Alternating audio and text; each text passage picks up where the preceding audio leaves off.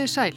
Hér er komin nýr þáttur að hefja göngu sína í ljósi sögunar og þar er ætluninn að gera einmitt það sem nafnið gefur vantanlega til kynna að líta á atbyrði og málefni líðandi stundar í ljósi sögunar, leita að sögulegu samhengi eða sögulegum vinglum á því sem er í fréttum eða umræðu, hlustendum til upplýsingar og fróðlegs og kannski leiðinni til einhverjar skemmtunar þótt eðli sögunar sé reyndar að þar sé oft fjallað um helst til hryggilega atbyrði.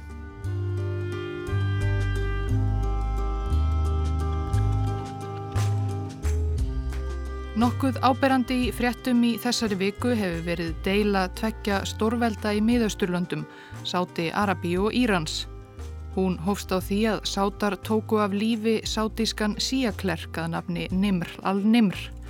Sá hafði setið í fangelsi frá 2012 eftir að hann kvatti til andofs gegn sátískum stjórnvöldum þegar arabíska vorið svonemda stóð sem hæst. Þetta vakti reyði síja muslima um heim allan og sér í lægi í helsta fóristuríki síja Íslams, Íran. Múur réðst á sendiráð og ræðiskrifstofur sáta í Íran og kveikti í. Það varð ekki til að kæta sáta sem riftu stjórnmálasambandi við Íran og fjölmörg önnur ríki, bandamenn þeirra eins og Bahrein, Kuveit, saminuðu arabísku fyrstadæmin og fleiri gerðu í kjölfarið slíktið sama. Þó svo að sátar og Íranir hafi ekki beint verið miklir vinir fyrir er deilan ekkert grín og kann vel að hafa alvarlegar afleiðingar en það nær áhrifamáttur begja ríkja langt út fyrir landamæri þeirra.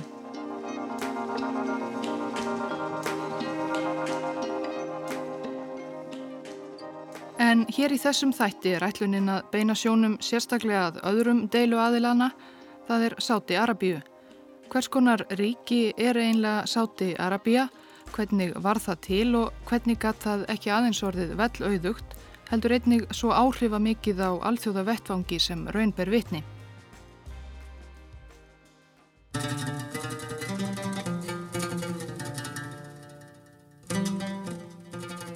Sáti Arabíu er ofti líst sem landi andstæðina, auðugt konungsríki í berangurslegri eðimörk þar sem hver skíakljúfurinn rýs upp af öðrum en laugin byggja á ævafornum trúareglum og mannréttindi eru fótum tróðin. Sáti Arabíu er land sem ætti samkvæmt öllum kenningum ekki að vera til, skrifar breski sakfræðingurinn Robert Lacey í ingangi að bóksinni Inside the Kingdom sem fjallar um sögu Sáti Arabíu frá 1979. Það að það hafi komist af gengur þvert á öll lögmál skinseminnar og sögunar, skrifar Lacey. Sjáu bara konungborna leðtógana í sínum skrítnu búningum sem leggja fremur trössitt á drottin en mannin og stjórna ólíu auðugu ríki sínu sangkvæmt lögmálum sem þorri heimsbyggðarinnar hefur fegin losað sig við. Búðum er lokað á bænatímum fimm sinnum á dag, fólk er tekið af lífi á gödumúti og byrjum ekki á stöðu kvenna. Sáti Arabia er ein af langlífustu ráðgátum heimsins.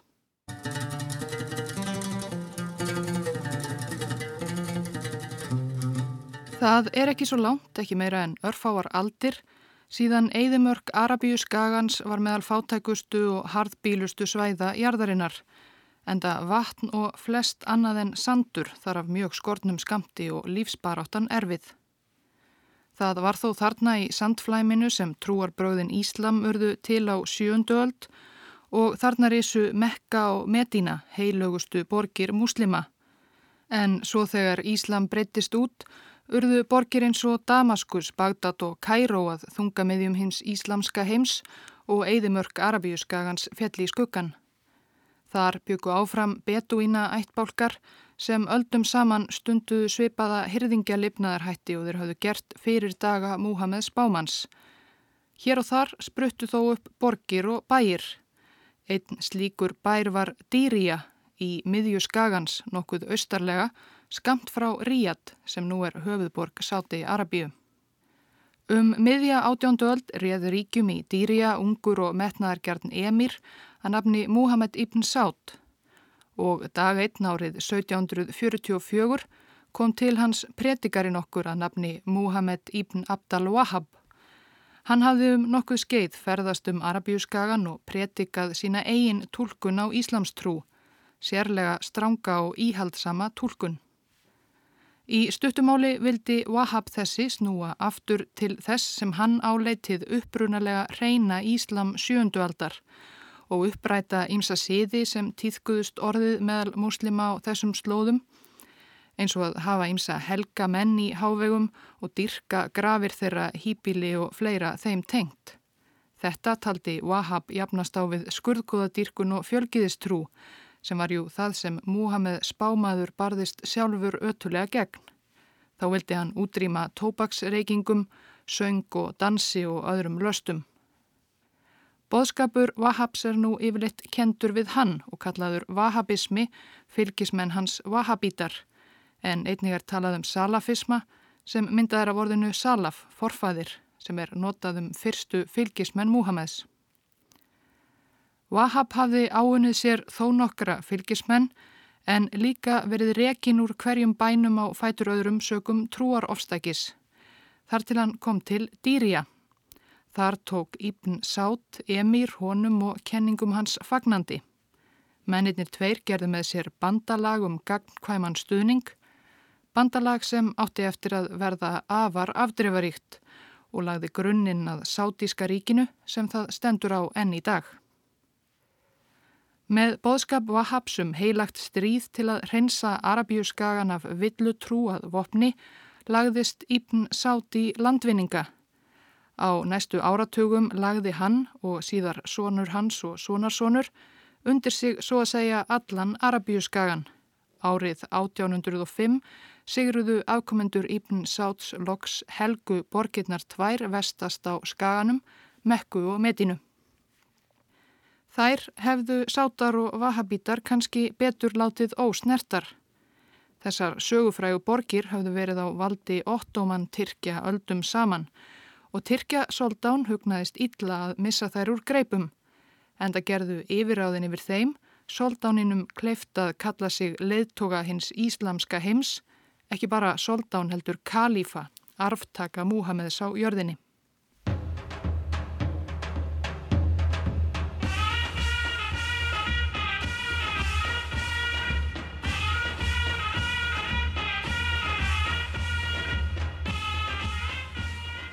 Tyrkjasoldán fól undir konung sínum í Egiptalandi að ráða niðurlögum vahabítana og ná helguborgunum aftur sem hann og gerði. Mekka og Medina voru unnar aftur 1811 og Dýrija, heimaborg Sátana og höfuðborg ríkistera, fjall 1818.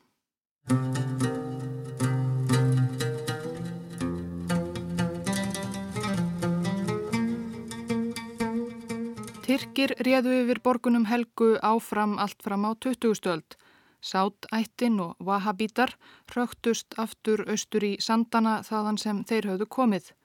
Þar reyndu þeir að koma aftur undir sér fótunum með misjöfnum árangri.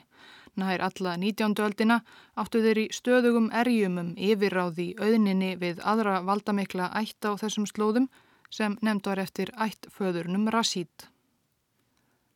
Um aldamótin 1900 var höfuð sátættarinnar Ungur maður að nafni Abdul Aziz ibn Sátt, langa, langa, langafa barn Muhammeds ibn Sátt, sem líkt og langa, langa, langafinn, er yfirleitt bara kallaður ibn Sátt á Vesturlöndum. Abdul Aziz ibn Sátt var á unglingsaldri 1890 þegar erki ofinnunum í Rasít-ættinni tókst að sigra Ríadborg sem þá hafi verið á valdi Sáta og þeirra helsta víi. Íbn Sátin ungi fór í kjölfarið á samt ættmennum sínum í útlegð til Kuveit. Eftir rúman áratug í útlegð snýri Íbn Sát aftur um aldamótin 1900 þá í hemdarhug með þann innbeita ásetning að vinna lönd feðra sinna og forfeðra aftur úr höndum rassítættarinnar. Sögurnar af herrferð Íbn Sát spræðra hans og frænda gegn rassítum eru góðsagnakendar Eftir að hafa ferðast í gegnum eigðimörkina í 40 daga og 40 nætur reðust þeir inn í borgarvirki Ríat Árla eftir morgunbænir og þar stakk Íbn Sátt sjálfur forviða borgarstjóran á hól með sverði sínu, eða það segir sagan.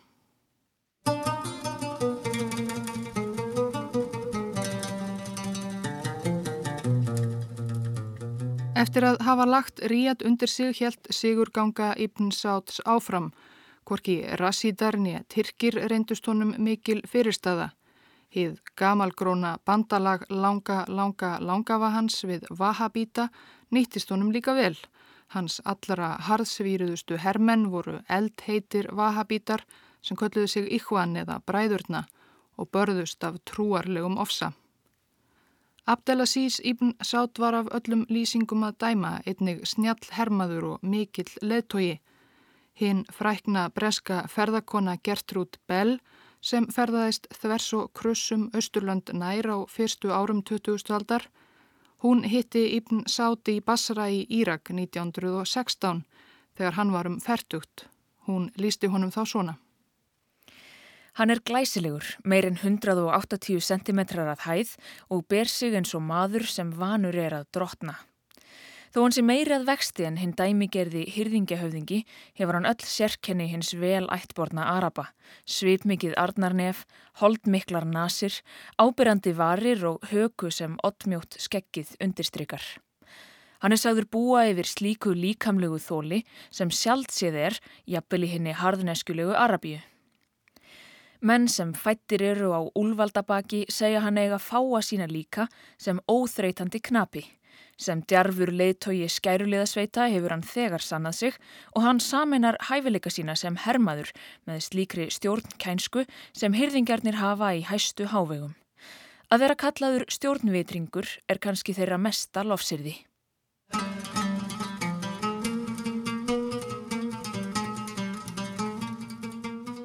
Það voru sviftingar víðar í löndum Araba á þessum tíma. Fyrri heimstyrjöldin braust út og brettar og frakkar sótust eftir því að hveða heið aldur nýgna Tyrkjaveldi í kútin.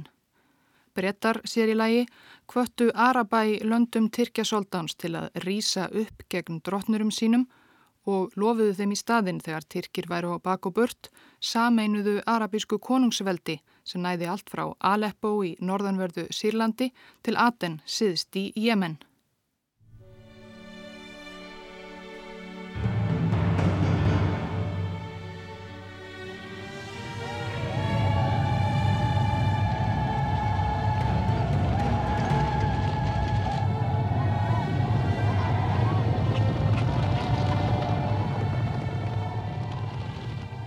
Þetta er saga sem eflaust margir þekkja úr stórmyndinu um Arabíu Lárens. Íbn Sátt er þar ekki meðal persóna en það reyndi hann lengst af að komast hjá því að blanda sér í baráttu Tyrkja og arabísku uppreysnamannana. Einn helsti leðtogi uppreysnar Araba var undir konungur Tyrkja í Mekka og umlíkjandi landsvæði vestast á Arabíuskaganum sem kallast Hijaz. Íbn Sátt var í nöp við konungin og gyrndist yfir á það svæði hans.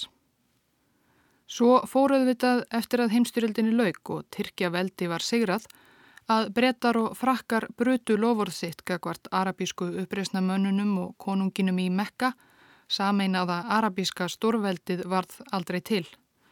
Brettar sögðu svo alfarið skilið við gamla bandamannsinn, konungin í Mekka og ákvaðu þessi stað að binda trussitt við óvinn hans, Íbn Sátt og þá let Ibn Sátt loks til skarar skrýða. Hann reðst inn í Mekka og var ekki lengi að leggja borgina undir sig og allt hítjas svæðið og reði þá loksins stærstum hluta Arabíuskagans frá ströndum Rauðahafs til Persaflóa. Árið 1932 lísti Ibn Sátt formlega yfir stopnun konungseríkis sem hann nefndi eftir sjálfum sér og ætt sinni, Sáti Arabíja, algjört einræðisríki með vahabismann sem ríkistrú og lög byggð á kóraninum.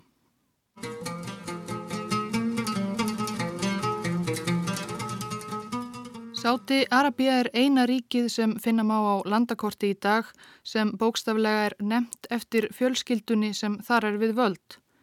En það er það engin venjuleg konungsfjölskylda þannig. Nú er hún fjölmenn, alls um 15.000 manns þó alls ekki séu allir sérstaklega valdamiklir. Íbn Sátt stopnandi ríkisins áttið að minnstakosti 22 konur sem vitað er til, eftir vil voru þær enn fleiri og þessar konur báru honum svo mörg börn að þau er nær ómögulegt að telja. En það eina sem skiptir auðvitað máli í þessu ríki og í þessari fjölskyldu eru sínirnir og þeir eruðu hvorki meirinni minna en 45 talsins. Ibn Sátt lést 1953. Allir konungar sem síðan hafa setið á valdastóli Sáti Arabíu, allir sex, eru sínir hans. Enda hefur hár aldur og rörleiki helst innkjent sátíska konunga upp á síðkastið. Sá síðasti, Abdullah, var orðin nýræður þegar hann fjall frá fyrir tæpu ári eftir áratöguð völd. Við tók yngri bróðir, Salman, sem var þá 79 ára. Salman verður þó að öllum líkindum síðasti svonur Ibn Sáts til að setjast á konungstól. Núverandi krónprins Mohamed bin Nayef er sonarsonur hins mikla stopnandaríkisins og hann er enn ungur og sprækur aðeins 56 ára.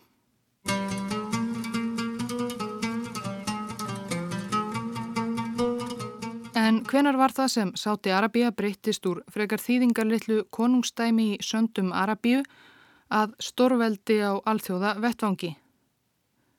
Það var ekki löngu eftir stopnun eða saminningu ríkisins sem farið var að leitað ólíu sem marga grunaði að geti leinstundir söndunum miklu. Vonin um að auðæfi væri að finna í auðninni var meðal þess sem fekk breyta til að stýðja Ibn Sáti valdabröldi sínu en þegar á holmin var komið fengu breytar ekki að njóta góðs af. Ibn Sát sneri fljótlega baki við breytum og samti þessi stað við bandaríkjaman. Hið kaliforníska Standard Oil Company hóf því ólíuleiti í Sáti-Arabíu strax 1933 og vitimenn nokkrum árum síðar byrjaði svarta gullið að flæða upp úr borhólu nr. 7 í Dammam í austur hér aði Sáti-Arabíu. And then at Dammam it happened. Oil in commercial quantities had been brought in after three long, discouraging years. This was the victory that faith and sweat had bought. Það leið ekki á löngu þar til upp úr borhólu nr. 7 flættu þúsundir tunna af þessum verðmæta vögva á degi hverjum en það kom í ljósa Dammam var ólíu auðugasta landsvæði heims. Bandaríkjaman höfðu umsjón með því að dæla upp auðafunum Óljufélagið Arabian American Oil Corporation var stopnað eða Aramco eins og það er kallað í dag. Ólíjan fletti og fletti og hagnaðurinn líka að mestu ofan í vasa bandaríkjamanna fyrstum sinn. Það var ólíu samstarfið sem laði grunninn að nánum vináttuböndum sáta og bandaríkjamanna eins og var undirstrykað þegar Ibn Sátt fór í sína fyrstu ofinberu heimsókn til útlanda í februar 1945.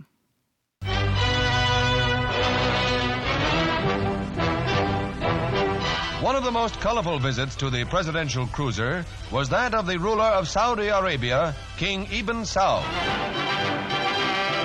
The 65-year-old monarch leaves his country for... Ibn Saud hitti Franklin D. Roosevelt bandaríkja forsetta um borði bandaríska herskipinu USS Quincy í Súeskurðinum. Roosevelt var á heimleið frá Hjalta þar sem hann hafi átt sinn fræga fund við Stalin og Winston Churchill en lagði á sig krók til að hitta einnig nokkra helstu leðtoga Östurlanda og þar á meðal var nú Ibn Sátt, konungur Sáti Arabíu. Þetta var ekki bara fyrsta opimbera heimsókn Ibn Sátt til útlanda sem konungur heldur fyrsta skiptið sem hann fór út fyrir Arabíu skagan á æfisinni. Til öryggis hafði hann með sér sínar eigin kindur sem slátrað var í kvöldmattin á hverju kvöldi. Fundur þeirra Roosevelt sem borði Quincy stóði þrjá daga og það fór að mati annara viðstatra einstaklega vel á með þeim tveimur. Þeir voru á svipuðum aldri, höfðu sameinlegan áhuga á landbúnaði og ekki síst voru þeir báðir líkamlega veikburða. Roosevelt var bundin við hjólastól og Ibn Sátt átti á þessum tímaorðið erfitt með gang. Eftir fundin let Roosevelt raunar senda Ibn Sátt tvo hjólastóla sem hinn helt svo mikið upp á. Þeir voru þó ekki sammala um allt vinirnir. Til að mynda hvað gera skildi við evróska gýðinga sem vildu stopna ríki á arabísku landi í Palestínu, nokkuð sem Ibn Sátt kunni ítla við. En slík álitamál lögðu þeir til hliðar. Þeir voru sammála um að vináttu bandaríkjana á Sáti Arabíu ætti að rækta eftir fremsta megni. Bandaríkin myndu veita hinnu tiltölulega nýstofnaða sátíska ríki mikilvægan hernaðalegan stöðning og fá í staðin ólíu og góðu verði og tröstan bandamann í þessu eldfima landsvæði miðausturlöndum. Síðar í þessum sama mánuði, februar 1945, þingaði Ibn Sátt einnig með Winston Churchill á luxushóteli í útjæðri Kæró. Fundur þeirra var mun stittri og ekki mun hafa farið sérstaklega vel á með þeim. Bretar voru greinilega búinir að missa tökin á Arabíu. En bandalæð sem Roosevelt og Ibn Sátt handsöluðu um borði herskipinu Quincy 1945 hefur reynst langlýft. Það hefur lifað fall Sovjetríkjana, hins sameinlega óvinnar ólíu, krísur og ófrið fyrir botni miðjarðarhafs, 11. september og stríðið gegn hriðiverkum, 5 sátíska konunga og 12 bandaríkjaforsetta og ekkert útlýtir fyrir að nokkur breyting verði þar í nárinni framtíð eins og Ronald Reagan var með á hreinu. There's an Arab saying, the sands are blowing, and I submit to you that if the sands of time give us any hint of the future, it is that in the days ahead the friendship between the Saudi Arabian and American people will be a strong and vital force. Og það mátti líka sjá fyrir nálega ári síðan þegar Barack Obama bandaríkjafósiti batt snöggan enda á opimbera heimsókn til Indlands þegar fréttist af andláti þáverandi sátakonungsins nýræða Abdullah og flög hið fyrsta til Ríad til að vera við jarðaför konungsins.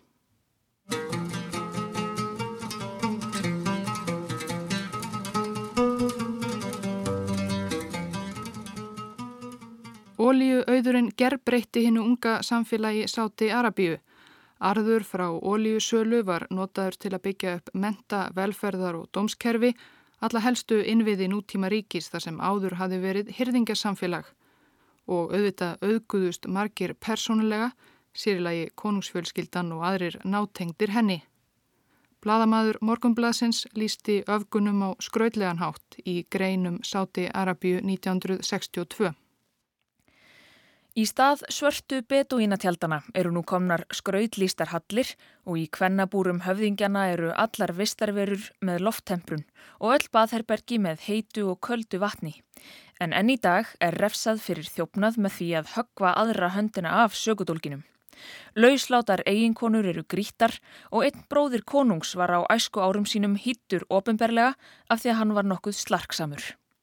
Nú aka díselhraðlestir gegnum eigðimerkusandin og í höfuðstaðnum er til mesta samansapn heims af marglitum gljáandi luxusbílum. Meðal annars vegna þess að sínir konungs fá á 12 ára afmæli sínu amerískan skrautbíl á samt bílstjóra. En þessar skrautlýstu hallir og gljáandi skrautbílar sem bladamæður Morgunblæðsins lýsir voru ekkert með við það sem koma skildi. Á þessum tíma fengu sátar sjálfur ekki nema hluta ólíuauðsinn sem flætti upp úr sandinum. Stór hluti fór beinustuleið í vasa bandarískra ólíubaróna. Faisal, þriðji sonur Ibn Sátt, tók við af eldri bróður sínum Sátt sem konungur við andlát hans 1964. Faisal var þeirra með fram því að sitja á konungstóli var afar viðförull og vakti með ferðum sínum aukna aðtegli á sínu annars einræna og lokaða konungstæmi á alþjóða vettvangi. En það sem varð ekki síst til þess að vekja aðtegli á Sáti Arabíu var þegar óljuframleðsluríkin arabísku með sáta í brotti fylkingar ákváðu í oktober 1973 í miðju Jomkippur stríði Ísraels og Araparíkjana að lýsa yfir viðskipta banni á bandaríkin og aðra bandamenn Ísraela. Verð á ólju fór í kjölfarið upp í hæstu hæðir. This is NBC Nightly News, Wednesday, October 17th. The Middle East war produced developments all over the world today. The oil producing countries of the Arab world decided to use their oil as a political weapon. Þó svo að Faisal tækist ekki að knýja fram breytingu í stefnu bandaríkjana gagvart Ísrael hafði ólíukreppan mikil áhrif á mörkuðum Ólíuverð varð aldrei samt og ríkidæmi sáta varð enn meira. Breskir fjölmiðlar töluðu fjálglega um að sátar gætu keift upp svo að segja allar lundunir fyrir arðin af örfára daga ólíusölu. En eitt var víst, sáti Arabíja var komin á kortið.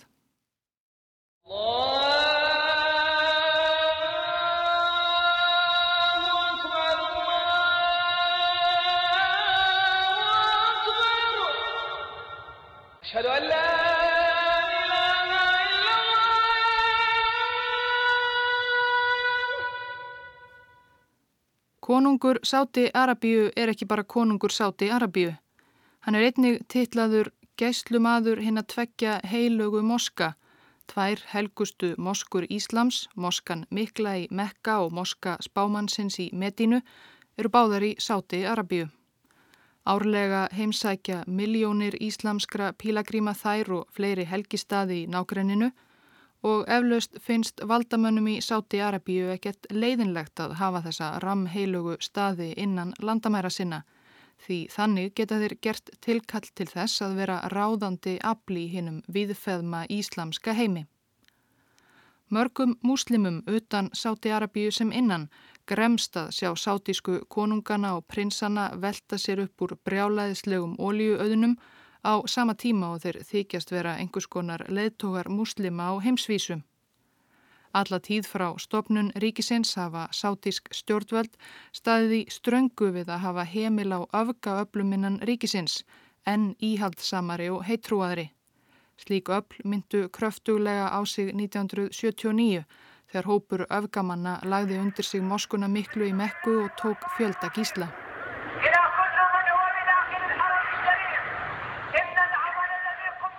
Það tók tvær vikur að reka þá burt og mörg hundruð fjallu í bardugum.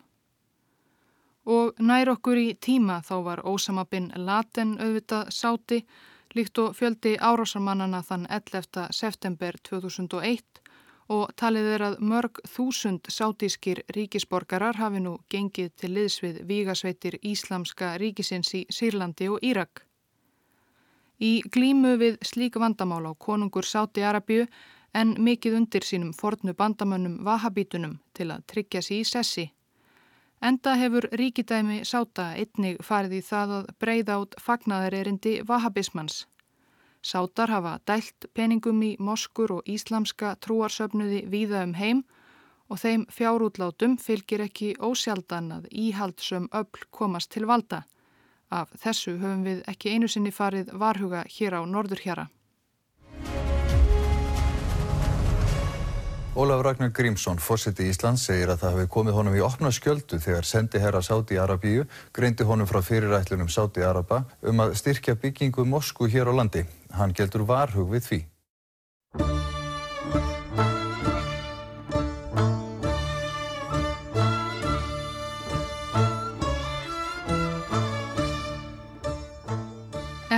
Handan persaflóans er annað ríki sem sömuleiðis gerir tilkall til þess að vera einhvers konar leðtogi hins íslamska heims og samskipti þessara tvekja ríka hafa löngum verið styrð, þó sjaldanis styrð og nú, eins og við hyrðum í upphafið þessa þáttar. Þetta er auðvitað Íran. Ágreiningur ríkjana tvekja likur á vissanátt aftur í öldum. Vahabismin er eitt strángasta form sunni íslams sem fyrirfinnst En Íranir hafa löngum aðþylst hina meginstefnu Íslams, það er Sía Íslam. Þann klopning má reykja aftur til sjöundu aldar. En samskipti ríkjana tveggja hafa þó ekki alltaf verið svo slæm. Þau áttu jú lengi ímislegt sameinlegt. Á tímum Reza Shapavlavi Írans keisara voru þetta bæði ólíu, auðug og ólýðræðisleg muslimaríki sem eðslusum og spilt konungsætt drotnaði yfir og jáfnframt trúnaðarvinir stjórnvalda í Washington. Einn líkilmunur var viðþorf þeirra til nútímavæðingar. Fyrir nokkrum árum rifjaði New York Times upp skondin brefasamskipti Reza Pavlavi og Faisals Sátakonungs undir lok sjönda áratugurins. Hinnum nútíma sinnaða Írans keisara var þá af einhverjum ástæðum sérlega umhugað um að Sáti Arabia fetaði í fótspór Írans á þeirri braut. Gerðu það bróðu minn nútímavættu, opnaðu landið, hafðu skólana fyrir bæði karla og konur, Leifðu konunum að klæðast mínipilsum. Leifðu diskotek. Vertu nútímalegur. Annars get ég ekki ábyrst að þú haldist á valdastóli. En Faisal svaraði Íðar hátegn, ég þakka heilræðin. Leifið mér að minna yður á að þú ert ekki Shahin af Fraklandi. Þú ert ekki í Elysée höllinni. Þú ert í Íran. Þegnar þínir eru 90% muslimar. Ekki gleyma því. En það var 1979 sem samskipti Írans og Sáti Arabíu súrnuðu fyrir alvöru.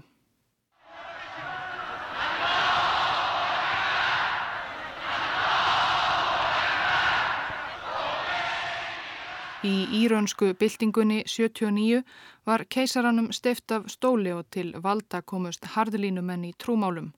Svo keisarin hefði kannski ekki átt að opna allir sér diskotek.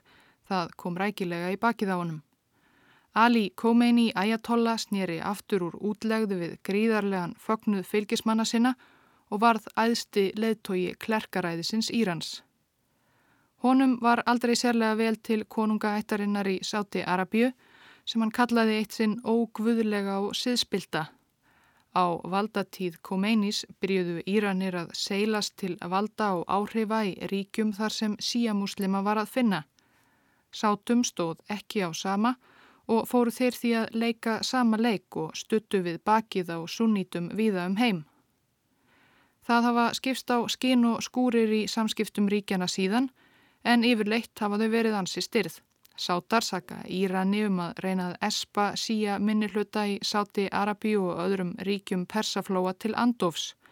Íran sömu leiðis sakar Sáta um að ofsækja sátíska síjamúslima og vilja útrýma trú þeirra.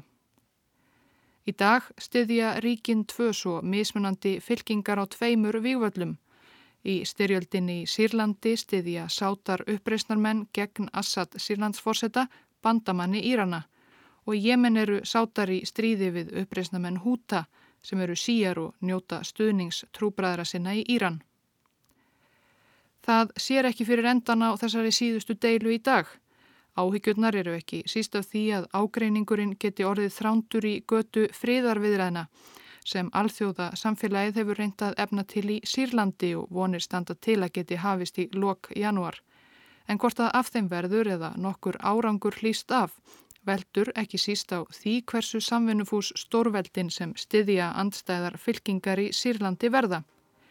Eins ósangjant og það kann að hljóma geti vel farið svo að sárþjáður almenningur í Sýrlandi þurfi að gjalda fyrir rifrildi tvekja erlendra ríkja, líklega ekki í fyrsta niður í síðasta sinn.